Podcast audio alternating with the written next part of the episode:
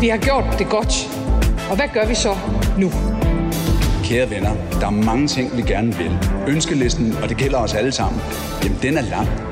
Altså man må beslutte sig for, hvilket argument man har. Hvornår går vi i gang? Hvornår er nu?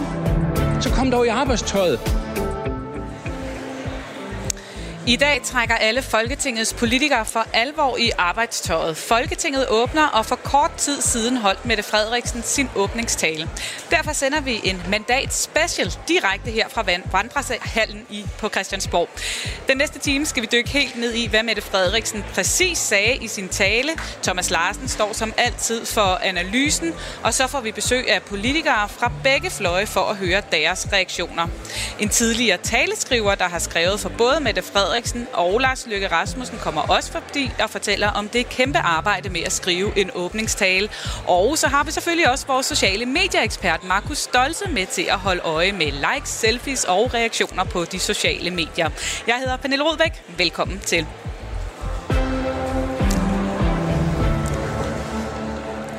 Ja, for præcis en time, der skød statsminister Mette Frederiksen den politiske sæson i gang, da hun holdt sin åbningstale. Og Thomas, lad os springe ud i det med det samme. Hvad var det for en tale, vi hørte Mette Frederiksen holde? Jamen helt overordnet, der lavede Mette Frederiksen et øh, stort politisk øh, gearskifte. Hun gjorde virkelig opmærksom på, at nu kan vi se coronakrisen i bagspejlet, og dansk økonomi er kommet bravende godt ud af krisen. Og hun sagde jo nærmest til resten af verden, kom til Danmark, hvis I skal opleve et samfund, der er i balance og som er båret af fremdrift. Og så fremhævede hun jo, at hele øh, håndteringen af coronakrisen faktisk har været en, en succes, både sundhedsmæssigt og øh, økonomisk. Og så stemplede hun jo for alvor ind i hele, altså den grønne omstilling, helt ind i klimadebatten. Det fyldte kolossalt meget. Det var faktisk det, hun åbnede øh, talen ja, på. Lad, lad os lige prøve at høre øh, åbningsbiden øh, her, faktisk. Forestil jer en fremtid i Danmark, hvor luften er helt ren. Følelsen af at trække vejret dybt og trygt. Ja, sådan startede hun altså. Klima allerøverst på dagsordenen. Var det overraskende?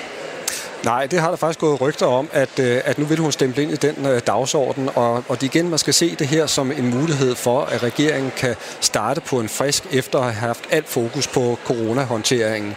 Og der er det helt oplagt, at uh, regeringen nu vil, vil skal vi sige, skærpe den grønne profil, og den kommer jo altså også strygende ind i det nye folketingsår med den kæmpe store, brede politiske aftale om, om landbrugets bidrag til den grønne omstilling, som kom på plads i aften. Så der har regeringen virkelig fået et Og det er noget, hun også lige at få lidt det er noget, hun naturligvis også at sige ja. og opfordrer til, at, øh, at, at partierne fortsætter af, af den uh, linje. Så det kom til at fylde uh, rigtig meget. Hvis vi skal se på nogle af de mere sådan, konkrete uh, ting, som hun også sagde skal være den nye dagsorden for regeringen, så er det følge det her med, at den gode økonomi rejser også nye udfordringer, og det handler om, at nu skal manglen på arbejdskraft afhjælpes. Og der appellerede hun så også til virksomheder, fagbevægelser og også de øvrige partier om at finde sammen om reformer, der kan skubbe folk godt ud på arbejdsmarkedet, og også bliver en del af, af fællesskabet. Hvis vi så skal pege på de i virkeligheden konkrete nyheder, der mm. var, for der var en nogle helt konkrete udspil i talen, ja, så handlede det jo om, at de lancerede i, fra regeringens side et uh, stort boligudspil. Ja, og det, det har vi nemlig også lige en lydbid med, som vi kan prøve at lytte til her. Derfor vil regeringen gøre det muligt at opføre mere end 20.000 flere almene boliger over de næste 10-15 år. De fleste vil blive bygget i de større byer, Alene i Storkøbenhavn kan vores kommende boligudspil betyde en tredobling af nybyggeriet af almene boliger. Det er tre gange så mange nybyggede familieboliger i København. Typisk 80-90 kvadratmeter med en husleje på omkring 8.000 om måneden. Det vil kunne ses og mærkes i bybilledet. Vi skal ikke dele os op. Byen skal rumme os alle sammen. Ja, Thomas, var det overraskende, at øh, der skulle, det skulle handle om billige boliger? Ja, det var en af de helt konkrete nyheder i talen, som jeg ikke tror, der var så mange, der havde set øh, komme, men som jo er en socialdemokratisk kongstanke, der skal føres ud i, i livet. Det her det er noget, som øh, den socialdemokratiske top har været meget optaget igennem lang tid. Altså hele det her øh, fokus på, at øh, byerne efterhånden er blevet sværere at bo i for almindelige mennesker på grund af de stærkt stigende øh, priser på, på ejendommen osv. Og nu handler det om at finde tilbage til den gang, hvor folk altså netop kunne bo blandet sammen, hvor øh, direktøren kunne bo øh, tæt på, på øh, sundhedsplejersken osv. Og det er i virkeligheden den vision, hun håber, at hun kan forfølge med det her nye øh, store udspil. Det er i virkeligheden altså også et tema, som blandt andet journalisten og forfatteren Lars Olsen har været meget optaget af. Han har også være en inspirationskilde for den socialdemokratiske top. Det her med at sørge for, at vi blandes på kryds og tværs, lever sammen og ikke bliver ghettoiseret. Det vil sige, at de rige lever for sig, dem der har knap så mange penge lever for sig, og så har man i virkeligheden også indvandringsghettoerne som et tredje problem. Altså Danmark skal hænge bedre sammen. Ja, for hele det her tema om land og by, ikke land mod by, som hun sagde, men altså land og by, det gennemsyrede jo rigtig mange, også de konkrete nyheder, der kom øh, i løbet af, af åbningstale.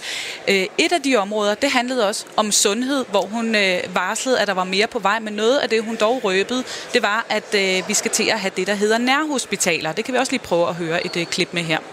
Som noget nyt foreslår vi derfor at oprette nærhospitaler hvor kommuner, regioner og almen praktiserende læger kan arbejde tættere sammen om den enkelte patient. Det bliver trygt. Vi vil også tage fat på det problem, at for mange danskere ikke har adgang til deres egen praktiserende læge. Og så skal der naturligvis være adgang til hurtig akuthjælp i alle dele af Danmark. Hvad ved vi mere om det her sundhedsudspil, som øh, hun varsler det her? Vi ved ikke så meget om det endnu, fordi det er sådan, at selve udspillet det bliver først præsenteret lidt senere af sundhedsminister Magnus Heunicke. Men det vi i hvert fald kan sige med sikkerhed, det er, at det er et udspil, som der har været ventet på i rigtig, rigtig, rigtig lang tid. Fordi det var jo rent faktisk sådan, at allerede i den tidligere regeringsperiode, altså da statsministeren hed Lars Løkke Rasmussen, der kom han med et meget stort udspil, der skulle adressere præcis de samme udfordringer. Det blev aldrig gennemført. Så var det en bunden opgave for den nye regering med Mette Frederiksen spidsen at komme med sådan et udspil her, så kom coronakrisen og har lagt hele Sundhedsministeriet ned, og der har ikke været kan man sige, øh, ressourcer til det. Og nu kommer det, og der er ingen tvivl om, at det her det taler ind i nogle meget, meget reelle problemstillinger, der er i sundhedsvæsenet, altså hvor man har brug for øh, en bedre lokal forankring, nogle steder kunne løse flere opgaver lokalt, og der er også et kæmpe problem med, med, med mangel på, på læger rundt om i, i landet. Og hvis man skal få en ekstra dimension til, så er der nok heller ingen tvivl om, at det her det skriver sig direkte ind i en kommunale valgkamp, fordi vi ved også, at sundhed det står allerøverst på listen hos rigtig, rigtig mange vælgere. Så jeg tror, det er ret godt set. Og det var jo, der var flere initiativer på vej, der netop handlede om nærhed, også hvis vi snakker øh, kommunalvalg, som øh, for eksempel, som jeg tænker, lokale kandidater kan gå ud og, og, og øh, nogle steder måske øh, turnere lidt rundt med. Der var også nærpolitistationer, og øh, ja, nu, kan, nu må du lige øh, fylde på, hvad Jamen, det, er, det er fuldstændig ja. rigtigt, og det er en, en dagsorden, som Mette Frederiksen hun rejser, både fordi hun mener, at den er reel. Altså, det er ikke nyt, at hun mener det her. Hun har faktisk i flere år øh, talt om, at, øh, at Danmark er blevet for centraliseret, og der er mange lokale lokalsamfund, der er blevet udtømt for muligheder. Øh, noget af centraliseringen har været øh, god, og det har skabt bedre faglige løsninger, men der er altså også samfund rundt om i landet og byer rundt om i landet, der virkelig har lidt under det. Så derfor så går hun ind i det. Hun kan se nogle reelle problemer. Og så vil jeg sige igen, også som måske den lidt kyniske kommentator, hun ved naturligvis også, der venter et kommunalvalg til november, og der taler hun lige ind i vælgernes dagsorden her. Noget andet, der også blev talt om i den her store tale, det var uddannelser. Det kan vi lige prøve at høre her. Og oven i det foreslår vi nu at investere 2,5 milliarder kroner ekstra om året. Det er den største ekstra investering i uddannelser, så længe jeg kan huske. Vi skal bruge pengene klogt.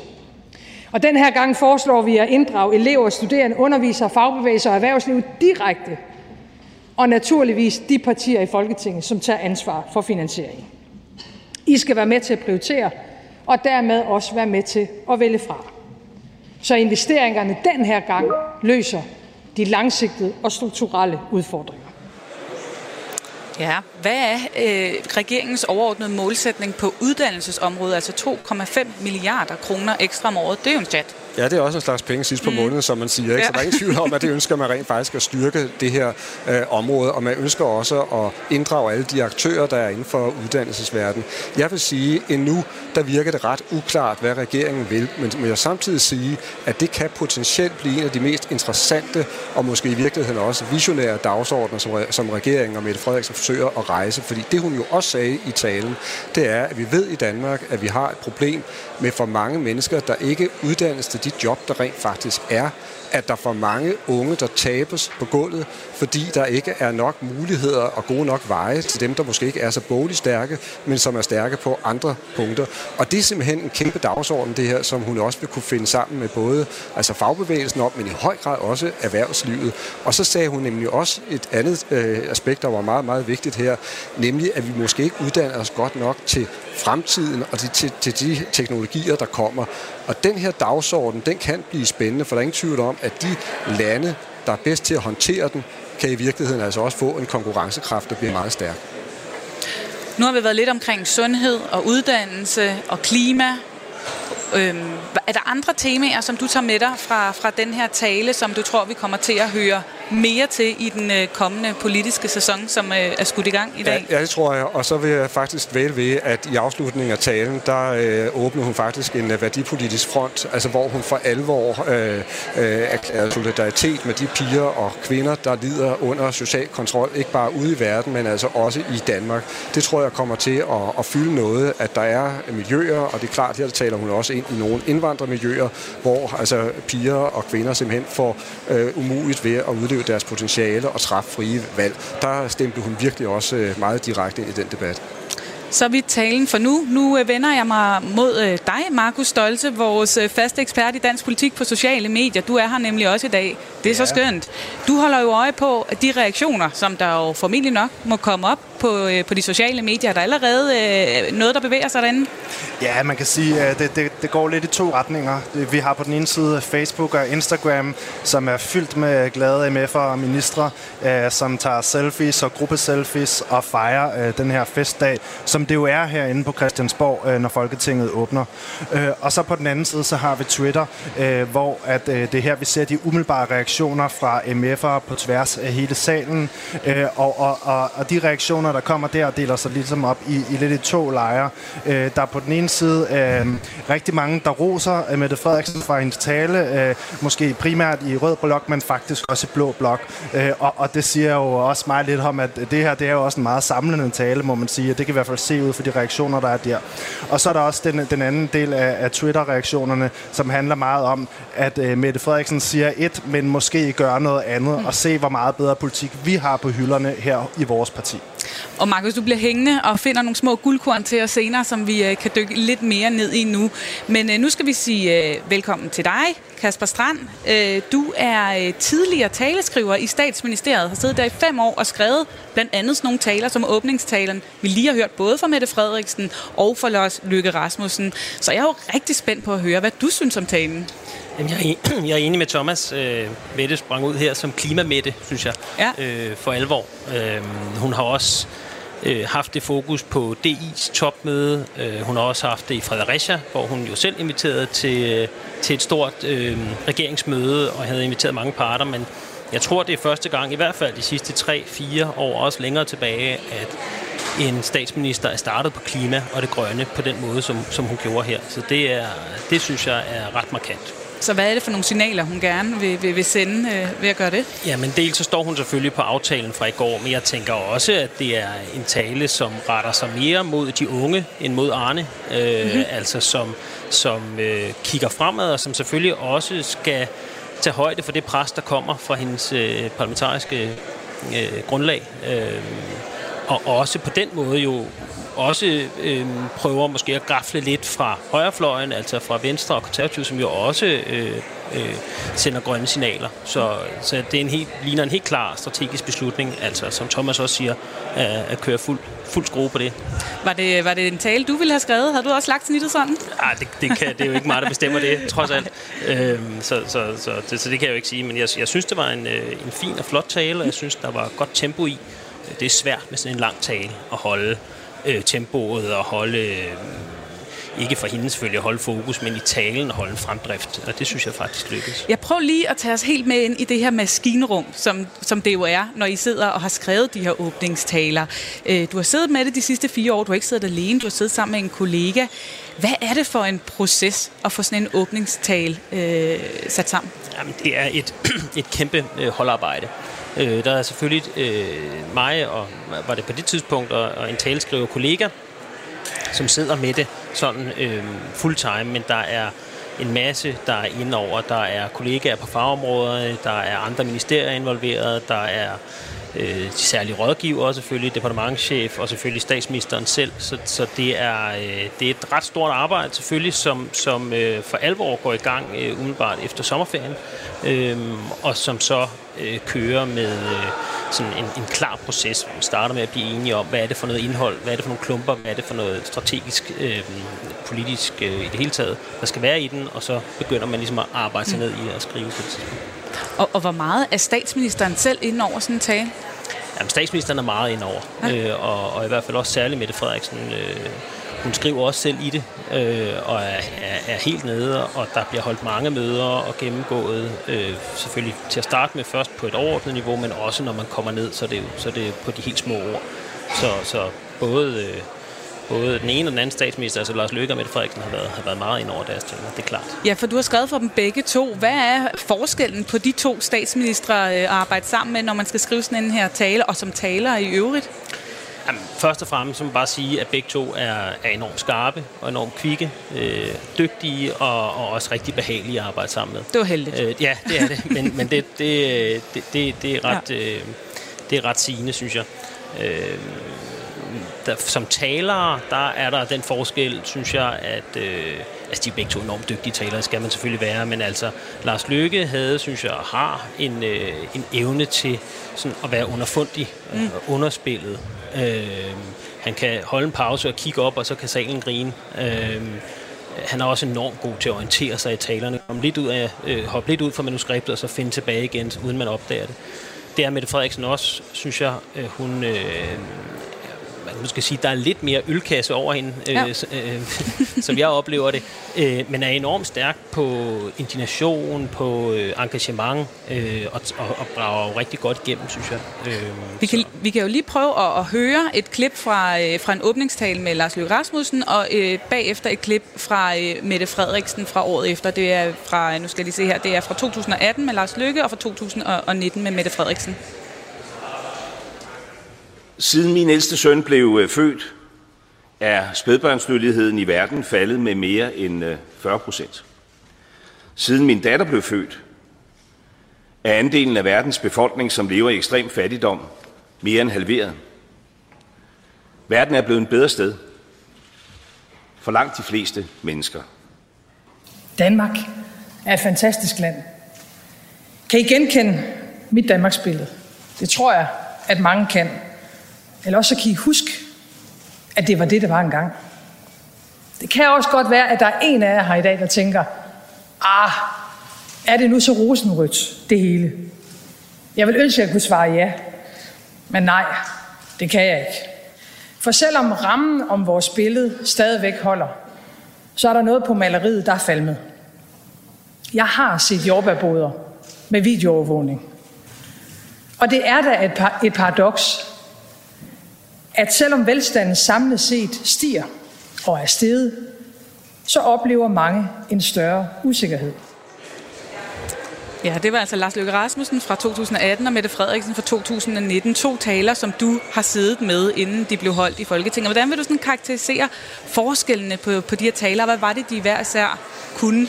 Jamen, det, der er særligt her, det er jo, at det er også to forskellige situationer, de bliver holdt i. Altså, øh, til sidst har vi Mette Frederiksen, som stort set lige er trådt til øh, og som jo derfor har en masse problemer, hun vil løse.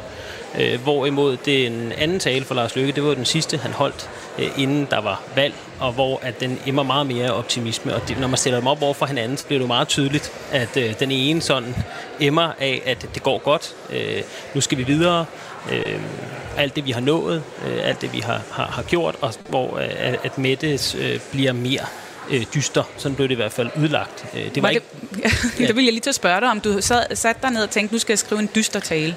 Øh, jamen, øh, sådan, sådan arbejdede vi ikke med det, og det var mm. på ingen måde meningen. Øh, jeg tror også, at det kom bag på dem, der var omkring processen bagefter, at det blev, det blev taget sådan ned. Øhm, og det er jo noget af det, når man skriver sådan en, er med til at skrive sådan en tale, at øh, man, som, som, som altid er interessant bagefter. Ikke? Hvordan er det egentlig, det bliver opfattet? For det er jo ikke sikkert, det var sådan, det var skrevet. Mm. Eller tænkt. Hvad, øh, hvis du skulle sætte nogle øh, ord på, hvad skal en god åbningstale kunne? Jamen, jeg synes, den skal forbinde, altså og det er jo sådan lidt en floskel, men den skal forbinde det helt store med, den, med det konkrete og det nære. Altså, der skal jo være en eller anden form for rød tråd i det. det øh, I den tale, øh, som vi spillede klip fra før med Mette Frederiksen, der var det tillid, der var det helt store mm. gennemgående øh, røde, den helt store gennemgående røde tråd. Og det er jo svært at lave en samlet fortælling, når man både skal tale om boligpolitik og Afghanistan. Men, men hvis, hvis man kan lave en rød tråd og en samlet fortælling i det, øh, så ja, det, det synes jeg er vigtigt, fordi ellers så bliver det noget løsrevet noget. Øh, på den anden side, så handler det jo også om at være konkret. Øh, det har øh, man også i talen i dag, ikke? Øh, hvor meget skal de her boliger koste? Ikke? 8.000 kroner, de er på øh, 80-90 kvadratmeter. Øhm, og, og det er vigtigt for, at, at, øh, at det siver ind også. Hvis det hele bliver abstrakt, så, øh, så, så glemmer man det, hvis man ikke husker det. Så det er virkelig sådan en balancegang mellem en, en større, lidt mere abstrakt fortælling, og så nogle konkrete nedslagspunkter? Ja, og kunne give en analyse af, hvor er vi henne? Øh, hvor er vi henne i verden? Hvor er, vi, hvor er Danmark henne? Øh, hvad, er det, der, hvad er det, vi skal have fokus på? Øh, og så kunne, kunne, øh, kunne komme med de her konkrete øh, indsatser, som man kan forholde sig til. Ikke? Det er jo rart at vide, om de der boliger skal koste 5.000 eller 8.000. Og, og hvad var den overordnede fortælling i dag? Altså lykkedes hun med at binde boliger og Afghanistan sammen med klima og nærhospitaler? Og, altså jeg synes, altså hvis min øh, udlægning af det, at, at, at den røde tråd var noget i stil med, at vi er gode, men, men vi kan mere. Mm. Øh, og, øh, og det er selvfølgelig en, øh, en lille smule bredt. Øh, hun taler også Danmark op. Hun øh, skubber også på optimismen, synes jeg. Øh, men hun kommer selvfølgelig også til på den måde lige så stille at tage noget ejerskab til de problemer, der er. Den første tale med tilliden, der, øh, der så hun jo på det udefra. Alle de problemer, der var nu, er hun jo begyndt at bevæge sig hen et sted, hvor hun også skal tage ansvar for de ting, der, der kommer. Øhm, så, øh, så det er jo interessant. Og så er der jo det her med, hvis man kan få nogle øh, helt sådan, øh, tænker jeg, ikoniske vendinger med, som, øh, som alle kan huske. Vi kan lige prøve at høre fra nogle af de her mange coronataler, der har været i løbet af året. Der er jo i hvert fald noget, som jeg tror, vi alle sammen har kunne huske efterfølgende. Vi skal stå sammen ved at holde afstand. Vi beder i virkeligheden de svageste om at være de stærkeste i den her tid. Hvad er det, sådan nogle her vendinger kan? Man kan jo forsøge at ramme hele situationen ind med en enkelt sætning. Øh, og når det lykkes, så er det jo rigtig godt, men det kan selvfølgelig ikke stå alene for det her. Det bliver også lidt abstrakt. Øh, men når det lykkes, øh, og jeg står ikke fader til, til, til det hele af det der overhovedet, så, så, så, så kan man jo med meget, meget få ord sige noget, som, som alle tænker, eller udtrykke det, man gerne vil. Det er jo, en, mm. det, det, er jo det, det hørte du, hørte du nogle vendinger i dag, som du vil huske, når du går hjem herfra? Jeg har ikke sådan øh, noteret dem ned, men jeg synes, der var mange af sådan nogle... Øh, altså, der var, der var nogle billeder i, ikke? Særligt den der klimadelen, øh, synes jeg, hun, øh, hun var meget skarp på. Hun, eller der var mange billeder i. Jeg tror, hun talte om sortspætter og øh, vilde orkideer og elbiler, der kunne køre hele vejen til ja, der blev øh, på malet ferie. nogle flotte der blev malet billeder. nogle meget ja. flotte billeder. Mm. Øhm, og, øh, og, og det var der sådan rundt omkring. Øh, ja, det, men jeg synes ikke, at jeg sådan lige er faldet over noget. At der er tre ord, der runger ind i hovedet på den måde. Nej. Hvad vil du sådan helt overordnet øh, så huske dagens åbningstale for? Jamen det er den her øh, grønne, øh, grønne indledning, øh, grønne start. Jeg tror endda, hun citerer mig Villassen øh, mm. helt, helt i begyndelsen. Der var det, en lille kado ja, ud til øh, venstrefløjen. Det, det, det er også noget, man lægger mærke til, tror jeg. Mm. Øh, og... Øh, Ja, hun siger, også, det var bare lige for, for ja. dem, der ikke hørte talen, så siger hun, at øh, klimapolitik må ikke blive frygtens politik. Ja, det var sådan noget, citerer ja. hun meget tidligt, uh, Maja Villersen. Det er sådan en, en temmelig stor ting at blive citeret i åbningstalen, så det tror jeg, Maja Villersen er glad for. Ja. Øh, men jeg noterede mig også de ting, der ikke var meget af. Øh, der var ikke meget flygtninge, der var ikke meget udlændinge, øh, soldaterne i Afghanistan og sådan noget. Øh, det var der heller ikke øh, så meget af. Der kan selvfølgelig heller ikke være plads til det hele. Men jeg synes, det var, jeg synes, det var en fin tale og et, og et godt tempo. Således ordene for dig, Kasper Strand. Tak fordi du ville øh, kigge forbi og dele ud af dine erfaringer som taleskriver øh, her i øh, Statsministeriet. Velbekomme. Der er noget galt på Christiansborg. Og der vil jeg bare sige tak for at tage den debat op. Nu skal vi finde den politiske vilje til forandring. Du lytter til en særudgave af Mandat på Radio 4. I anledning af Folketingets åbning sender vi nemlig direkte fra Christiansborg frem mod kl. 14, hvor vi altså dykker ned i den åbningstale, som øh, statsminister Mette Frederiksen netop har holdt. Og som nogen måske kunne høre, så har vi øh, fået besøg af en partileder. Det er nemlig dig, Pia Olsen Dyr fra SF. Du har ja. også siddet og lyttet til, øh, til talen inde i Folketingssalen. Hvad synes du om talen? Jamen, jeg synes, der var rigtig mange gode temaer, der blev slået an, og en åbningstale skal jo lidt handle om, hvad det er for nogle problemer, vi skal løse i den kommende folketingsperiode. Der er ingen tvivl om, at klimakrisen er den største udfordring, vi står med, ikke kun i Danmark, men i hele verden. Kunne jeg godt tænke mig, at statsministeren havde haft lidt mere handling med, Ja, det kunne jeg godt, men hun i talsætter det værste, øh, største problem. Samtidig med, hun også øh, nævner uddannelse, hun snakker om kvinders rettigheder, noget, der ligger mig selv meget på sinde.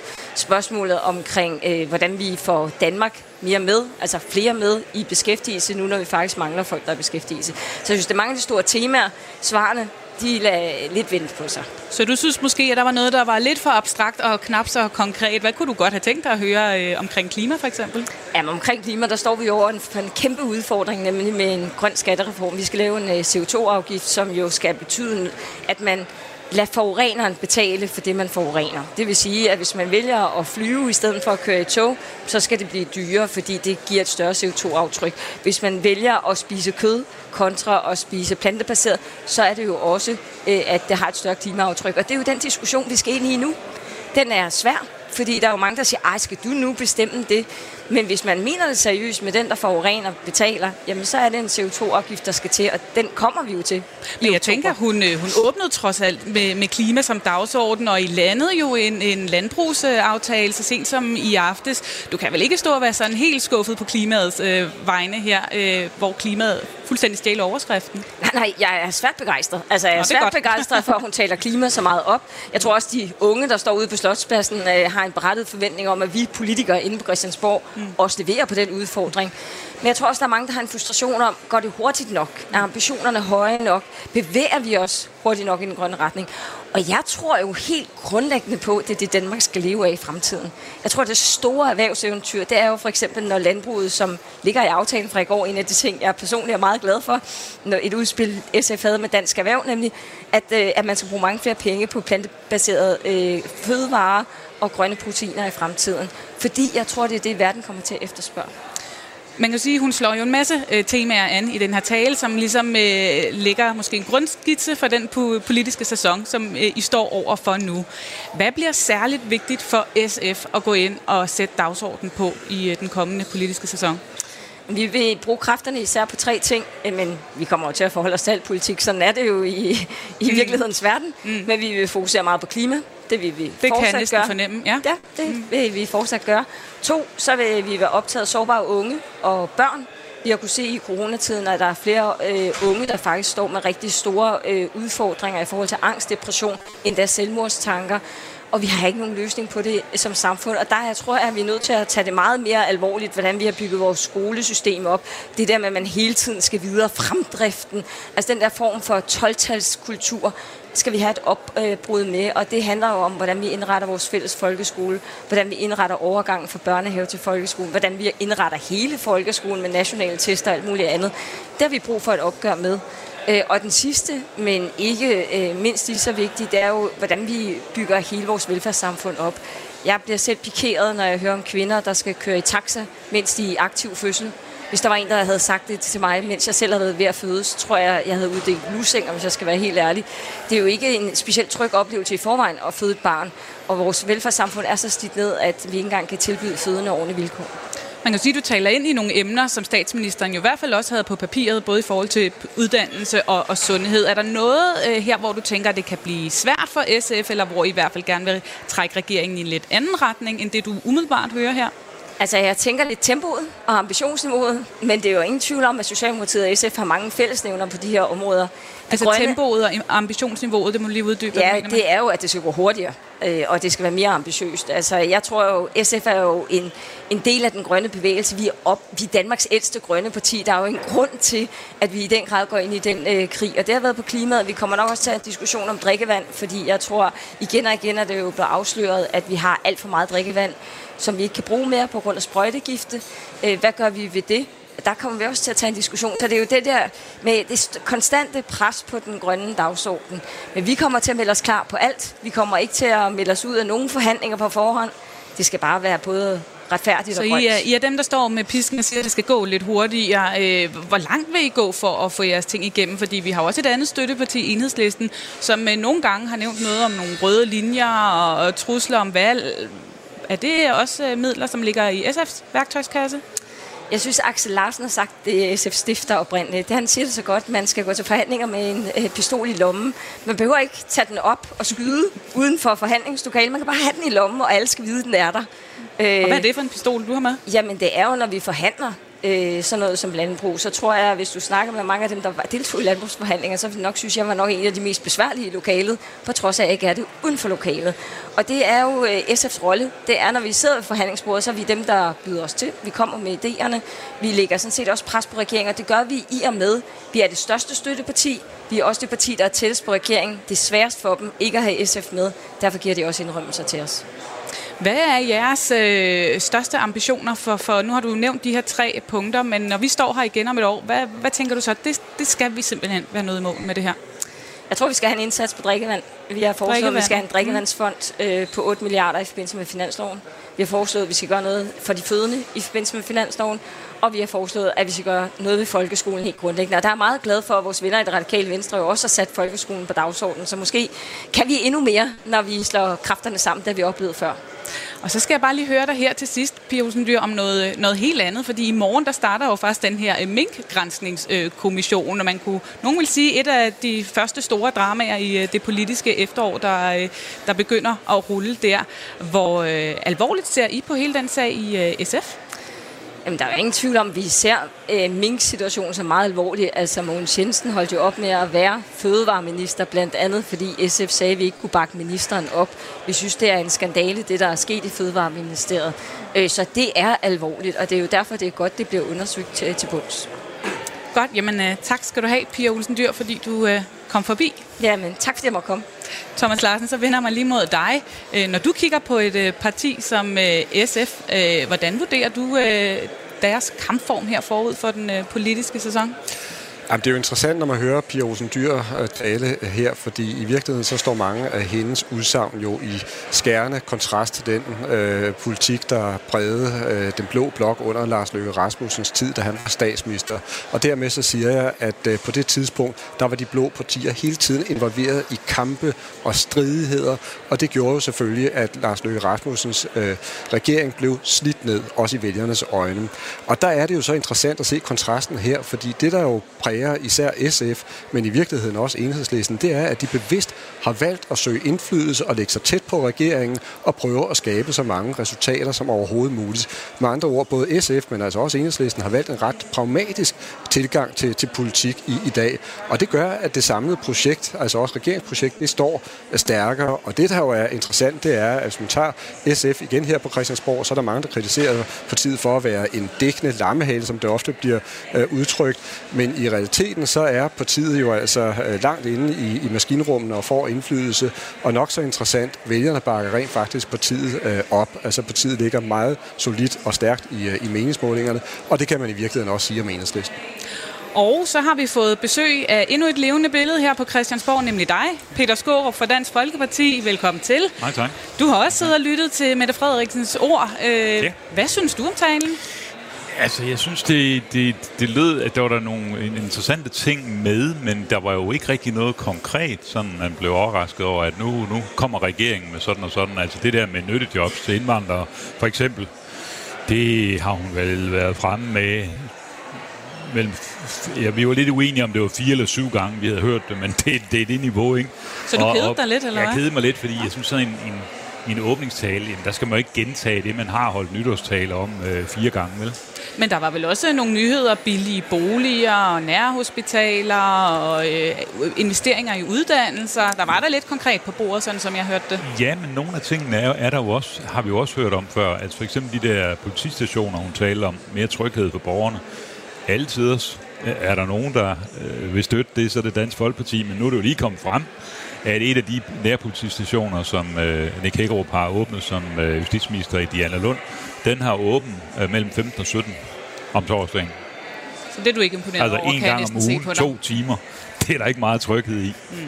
Så der, der, der, det, det, man risikerer også, at det bliver en boomerang, hvis man nævner, at nu skal vi også være tæt på borgerne, og nu øh, sørger vi for, at der sker noget i provinsen, hvis realiteterne det er, at det nærmest er lige nul. Så lad os øh, zoome lidt ind på den her dagsorden, hun jo har med land og by og nærpolitistationer, nærhospitaler. Øh, hvor ser du øh, Dansk Folkeparti i, øh, i det samarbejde? Altså, vi vil meget gerne sætte os ned sammen med det, Frederiksen, hvis hun er interesseret i det, og, og samarbejde netop præcis omkring de her ting. Fordi øh, vi har jo ønsket fra Dansk Folkeparti's side, at vi får gjort øh, levevilkårene øh, i provinsen øh, bedre, øh, sådan så at alt det, der er forsvundet igennem året, altså nu var vi inde på politistationerne før, politistationerne er jo mere eller mindre forsvundet fra øh, de små samfund, øh, og man skal ind til de store byer, Aarhus, Aalborg og Odense, før øh, politistationen er der.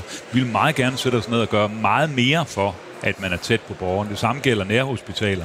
Men det kræver, at der er noget reelt indhold i det. det. Det er jo ikke nok bare at sige, at man vil gøre det. Man skal også gøre det. Så hvad er jeres øh, ambitioner på det her område, når I skal til at forhandle med regeringen om de her tiltag? Hvad er vigtigt for jer at, at få igennem? At der er noget reelt indhold i det. Altså ja. at det, det virkelig er sådan, at borgerne kan mærke en forskel. Mm. Øh, og, det, og det er et tvivl, om regeringen egentlig har nok i posen til, at, at det kan komme til.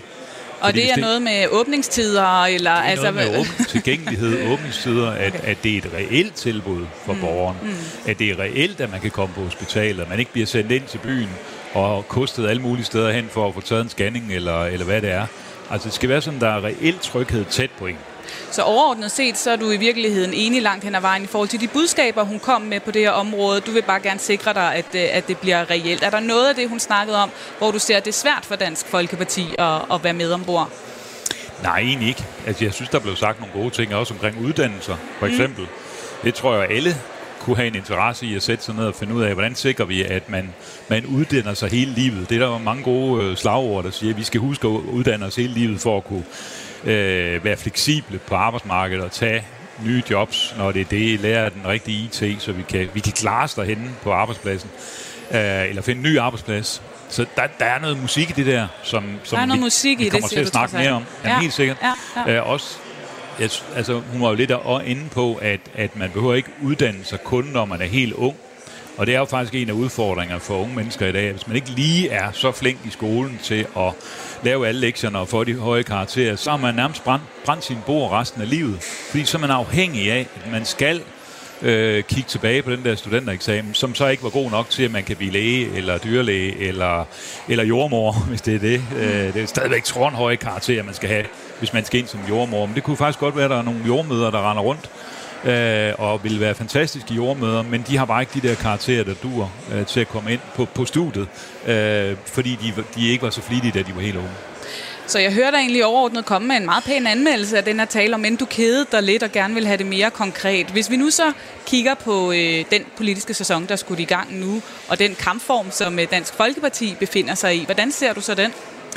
Glimrende. Altså, ja. vi havde lige et øh, årsmøde, hvor jeg tror... Ja, det var noget med at der var nogle journalister, der havde øh, set lidt galt. Altså, der kørte nærmest en kampagne i fire dage op til, at alt var kaos, og nu, nu gad man ikke dække de andre årsmøder, fordi øh, nu var det Dansk Folkeparti, og nu skulle og så videre. Ikke? Det mener men, du simpelthen var en ren journalistisk historie, der kørte derop til? Nej, sådan, sådan vil jeg ikke sige, men, men vores, vores medlemmer, der var med til årsmødet, havde en fest. Altså på en rigtig god fest om aftenen, men der var kanontaler, der var kanonstemning. Øh, man var fri af corona og ingen mundbind. Og, og, altså, det var to forskellige verdener. Og det ser vi jo faktisk tit nogle gange, at medierne går lidt fejl af stemninger i partier, fordi man lytter til en lille snæver øh, gruppe, der, der har sagt nogle, nogle lidt åndssvage ting, og det var vi jo også øh, skyldige i op til det årsmøde. Det, der, det var vi da. Ja, for Peter Årsgaard, det var dejligt, at I havde en skøn aften med gode taler og kanonfest efter corona ja, og sådan noget. Aften, det, det, det, kan man vel, øh, det kan man vel unde alle. Men, men, men du kan vel ikke løbe fra, at I jo trods alt er et parti, der har en uh, krise, og også vælgerkrise, og kigger frem mod kommunalvalg, der kan blive svært. Ja. Jo, nej, det kan jeg ikke. Og vi kæmper jo hver eneste dag for, at øh, der er flere, der, der bliver overbevist om, at de skal stemme på Dansk Folkeparti. Og meningsmålinger, der er jo ikke vildt gode. Det kan vi godt blive enige om. Mm. Men på den anden side, det cykler jo lidt op og ned, øh, og det er så gået noget ned for Dansk Folkeparti i nogle år. Men, øh, men det, sådan er det jo i politik. Det går op og ned. Øh, det, og, og lige pludselig så går det forhåbentlig op. Nu kan vi jo i dag se i uh, Jyllandsposten en fantastisk, et fantastisk udspil omkring en indvandringslov, som øh, Dansk Folkeparti og så Inger Støjberg i øvrigt ja. øh, fremfører. Og, og det igen, altså der er igen noget musik i det. der er, der er noget, der folk kan forstå. Øh, det kan vi se allerede på de reaktioner, vi har fået. Hvad tror du bliver afgørende for jer, hvis I skal genfinde formen i den øh, kommende sæson? Ro. Altså, folk gider ikke stemme på partier, hvor der er uro, eller nogen, der hele tiden ævle bævler om, om partiet selv. Altså det, der er brug for, det er politik, politik, politik, og så ro på de indre linjer. Og er der ro på vej? Det synes jeg, der har været siden vores årsmøde. Der synes jeg faktisk, at... Øh, fordi der trak vi også en streg i sandet og sagde, hvis der er nogen, der laver bøvl herfra, så er der både gule og røde kort i, i lommen, som kan hives op. Så bare lige et øh, sidste spørgsmål øh, i den her omgang. Når vi står her igen næste år, har I så den samme formand? Ja, det er jeg helt overbevist om, vi har. Vi har en god formand. Tak for den vurdering, og tak fordi du kom forbi, Peter Skårup fra Dansk Folkeparti. Politik handler også om at dele os efter anskuelser. Det var lige præcis det, jeg ønskede. Er vi klar til at gå hele vejen sammen, hvis vi kan blive enige? Du lytter til en mandat special på Radio 4 direkte fra Folketingets åbning på Christiansborg. For godt en time siden, der sluttede Mette Frederiksen sin tale ved Folketingets åbning.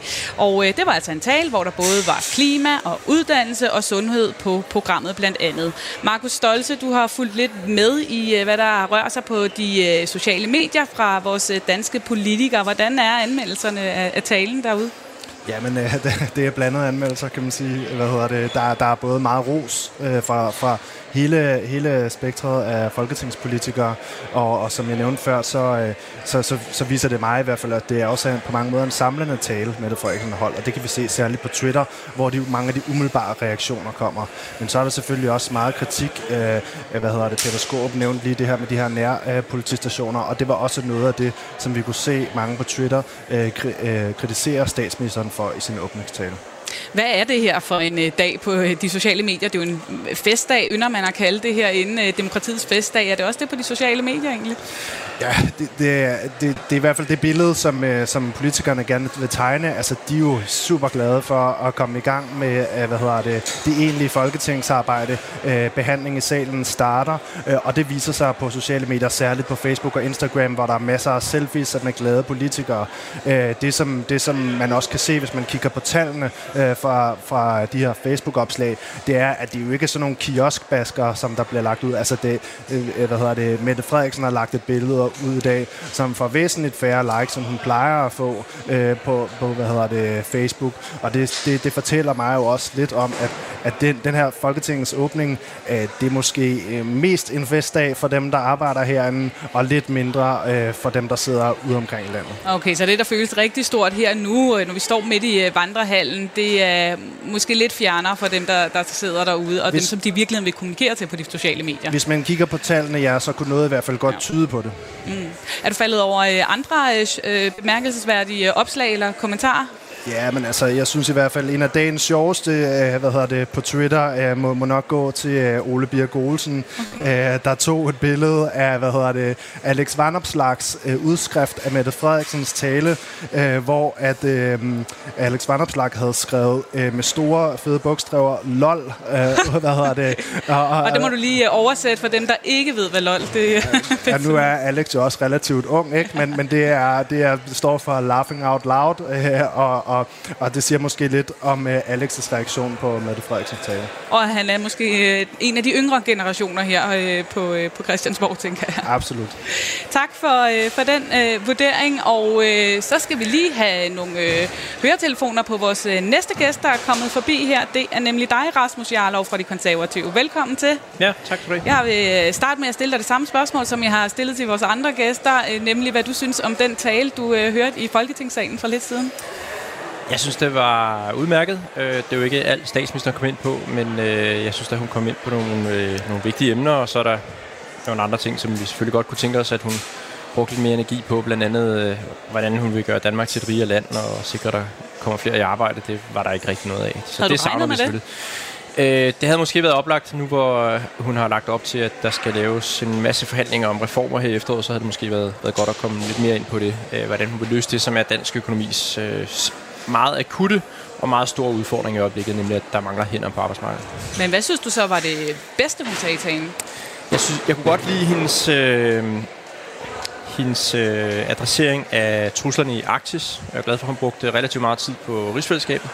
Øh, det synes vi også er rigtig vigtigt, og det var dejligt at se også, at øh, både øh, de politiske ledere fra Grønland og Færøerne var til stede i dag, og øh, også er med til at, at deltage i øh, demokratiet i, i, i Folketinget. Men hendes pointe om, at vi skal engagere os mere derop, øh, og at vi skal have mere ligeværdigt samarbejde mellem Danmark, Grønland og Færøerne, synes jeg var, øh, var rigtig godt, og det er jeg meget øh, enig i. Og hvad med de store emner, hun tog op? Der var klima, Det der var var også et stort emne, Ja, altså. det, var- ja, ja. Det, Grønland er meget det må du ikke misforstå mig her, men, øh, men der var måske nogen, som fik mere, øh, mere taletid alligevel. Der var i hvert fald klima eller øverst på dagsordenen, ja. og Ja. så var der hele den her snak om øh, nærhed i øh, forskellige grader på forskellige områder med sundhed Ja. og politi. Der var uddannelse. Mm. Altså, hvilke områder ser du konservativt spille en øh, vigtig rolle i forhold til at få skabt noget konkret politik på? I den Jeg håber meget, at, at vi får lov at spille en rolle i at lave en god aftale om reformer, som vi skal snakke om her i efteråret. Øh, det, det håber jeg og regner med, at bliver det, der kommer til at fylde allermest øh, her i efteråret. Der er lagt op til, at vi skal forhandle rigtig meget om øh, dagpenge og øh, kontanthjælp og i øvrigt øh, øh, SU'en, dimittenssatser og så videre. Ret store ændringer øh, på overførselsindkomstsystemet. Og det håber jeg meget, at øh, vi kommer til at være med i, fordi vi vil gerne være med i aftaler, som gør Danmark rigere og øh, får flere ud på arbejdsmarkedet. Så jeg håber, det bliver den retning, det kommer til at gå i hvert fald. Og, og I 20 startede jo lidt på de brede forliger i øh, aftes med, med landbrugsreformen. Ja. Er det, øh, ser du for dig, at der kommer flere af de her store brede forlig, hvor, at, øh, at det, altså, hvor I også øh, sidder med ved bordet og, øh, og forsøger at, at trække jeres retning? Ja, altså vi er altid konstruktive. Vi vil altid gerne være med i aftaler, men selvfølgelig kun, hvis det er aftaler, som gør verden og Danmark bedre, end hvis vi ikke indgår aftalerne. Så selvfølgelig har vi altid en grænse for, hvad vi kan være med i. Men er jo meget kompromissøgende øh, som parti, og, og vil gerne være med i, i, i, øh, i aftaler, fordi vi tror, at så har vi indflydelse Hvor, på hvor dem. kunne du se, at I kunne lave sådan nogle brede forlig hen på hvilke områder? Jamen altså, som sagt, øh, jeg kommer til at gentage mig selv, men som sagt på det økonomiske område i forhold til at skaffe øh, flere, øh, mere arbejdskraft. Øh, det er en skrigende udfordring lige i øjeblikket. Øh, Alle sektorer, nej ikke alle, men, men rigtig mange sektorer øh, fortæller os jo nu, at de simpelthen ikke kan skaffe folk, og det gør, at de mister omsætning, og vi mister øh, også skattekroner, så det bliver vi fattigere af i øjeblikket. Så det håber vi meget, der bliver gjort noget seriøst ved.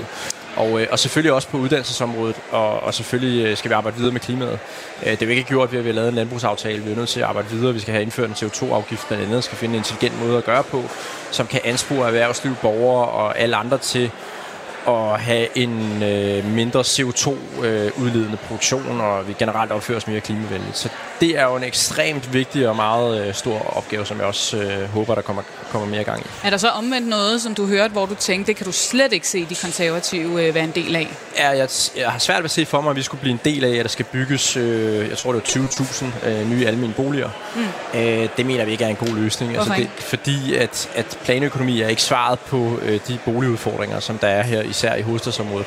Svaret er, at vi skal åbne for, at der bliver muligt at bygge flere boliger, men private er bedst til at bygge boliger. Øh, og vi skal ikke lade staten til at overtage, at den skal til at bygge boliger for folk. Men bliver øh, storbyerne så ikke øh, for de få og for de rige? Tværtimod, det bliver de netop, hvis vi bygger almene boliger, så kommer der til at være ventelister, og så bliver der nogle få heldige, der kommer til at få almene boliger, i stedet for at man får bygget de boliger, som der er efterspørgsel efter, og dermed er med til at holde efterspørgselen Det er jeg sikker på, at vi kommer til at, diskutere meget mere her i den kommende ja. tid, øh, det her boligudspil.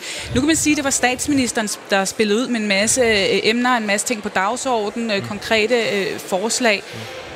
Kommer I også til at spille ud med, med noget markant her i den kommende politiske sæson? Ja, det gør vi. Øh, vi kommer med et finanslovsforslag her øh, meget snart, hvor vi vil fremlægge øh, forslag til en masse reformer, som vi ser det, fordi vi er jo noget mere ambitiøse i forhold til at gøre Danmarks bruttonationalprodukt større, sænke skatterne og få flere mennesker i arbejde. Der er vi jo langt mere ambitiøse, end regeringen er.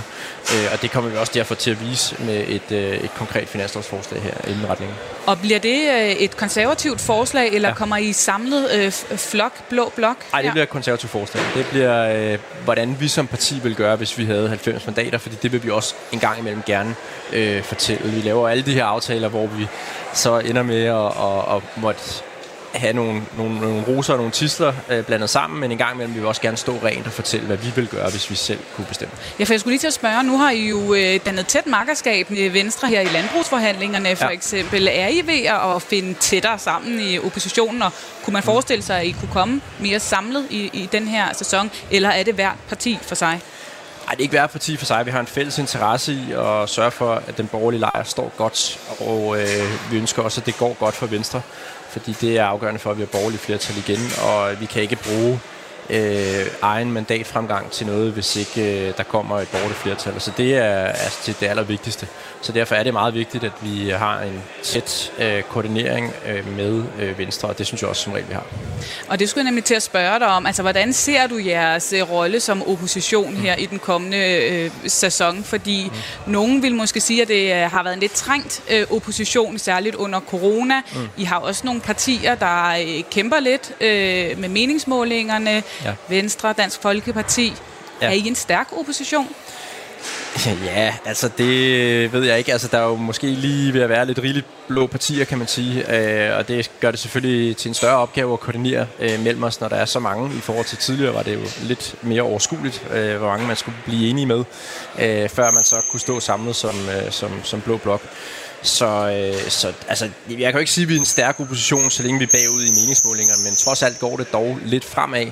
Øh, det er jo et nulsumspil, og vi må jo glæde os over, at regeringen er øh, på vej ned øh, og at øh, vi trods alt er på vej frem, både os konservative selv, men altså også øh, blokken ser det jo lidt bedre ud for øh, nu, mm. og øh, vi mener da øh, absolut, at øh, vi har styrken til at komme tilbage og få magten igen. Og hvor ser du konservatives rolle i forhold til at styrke oppositionen og samle oppositionen, fordi mm. I øh, ligger jo og konkurrerer lidt om at være det største parti? Ja, det er jo Venstre, der er det største parti. Altså, øh, vi, vi er engang imellem størst i nogle meningsmålinger, mm. men det er jo Venstre, der er det store parti og har øh, de fleste mandater. Derfor er det naturligvis også Venstre, som typisk øh, står for den koordinerende rolle, fordi de har bare flere folk øh, og, og flere mere specialiserede folk, som, øh, som dermed kan være dedikeret øh, til, til nogle meget konkrete ordførerområder, og derfor er det jo oftest Venstre, som, som, øh, som har den koordinerende rolle, men, men vi deltager altid gerne, og en gang imellem så kommer vi også med forslag, og nogle gange så, så indkalder vi også til møder, så, så det gør vi i fælles, øh, vil jeg sige.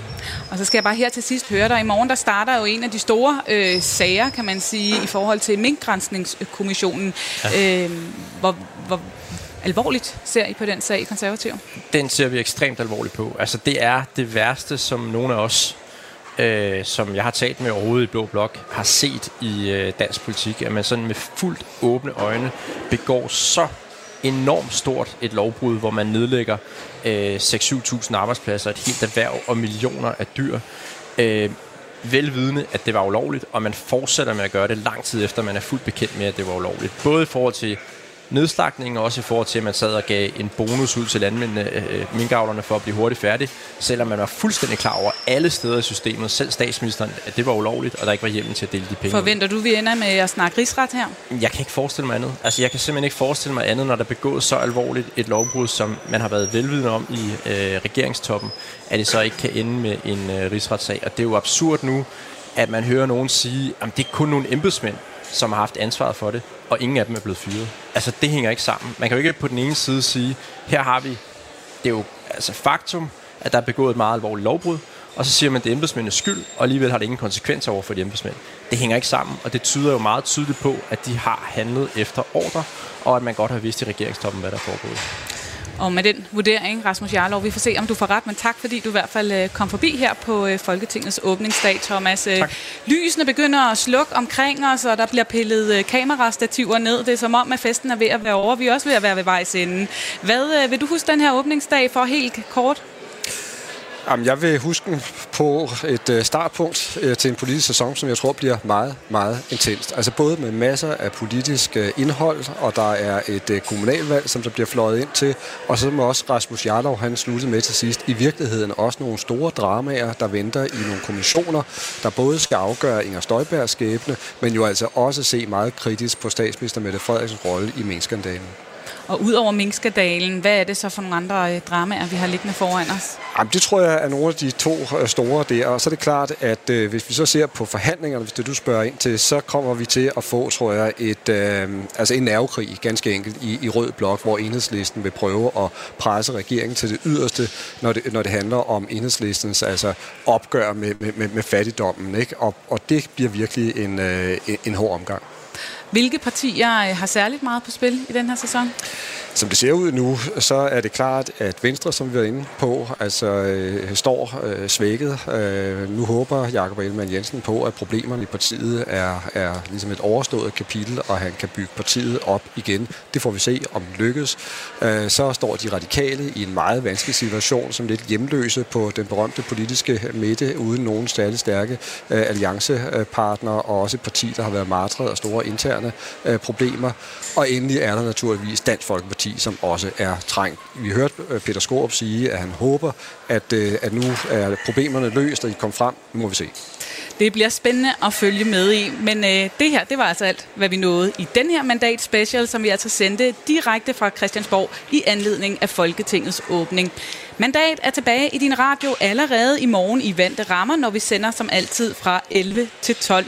Nu er der ved at være nyheder klar til dig. Tak for i dag, Thomas. Og vi ses i morgen.